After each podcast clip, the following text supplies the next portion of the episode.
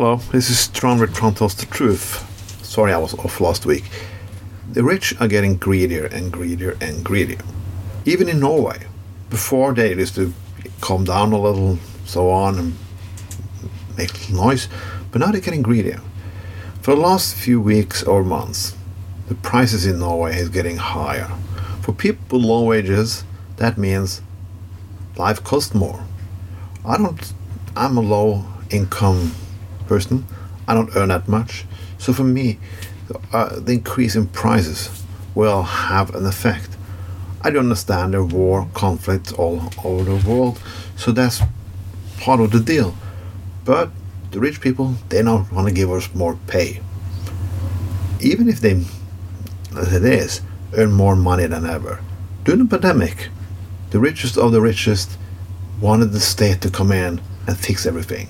They wanted their still high wages, they're high earnings, and so on and so on. Many of them even earn a sick lot of money. They never paid anything back.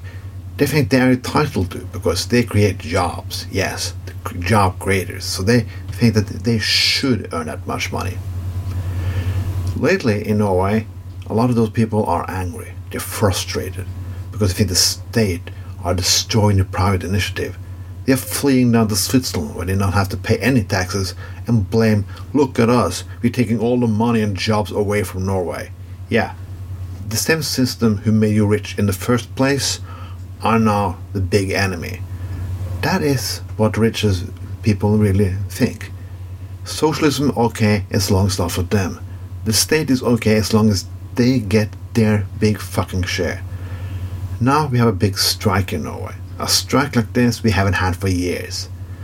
Con- workers' conflict in Norway are usually very silent, or they cannot compare to France with people ra- raging in the streets and burning things and so on.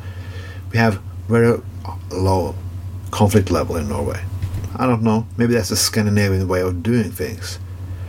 But the richest people, they don't want to increase our pay. In my job, private security, I will even lose more money because the richest people, because of the, how the model is. That is how it, we end up these days. Rich people are fleeing down to small tax havens, blaming everyone because they have a hard time. They're getting richer and richer, and some people getting poorer and poorer. We need a new model. I don't know how hard I'm, gonna, I'm not gonna go into that since I only used this segment for three, four minutes. But something is fucking wrong. When does the richest people gonna do anything? When are they gonna take their responsibility?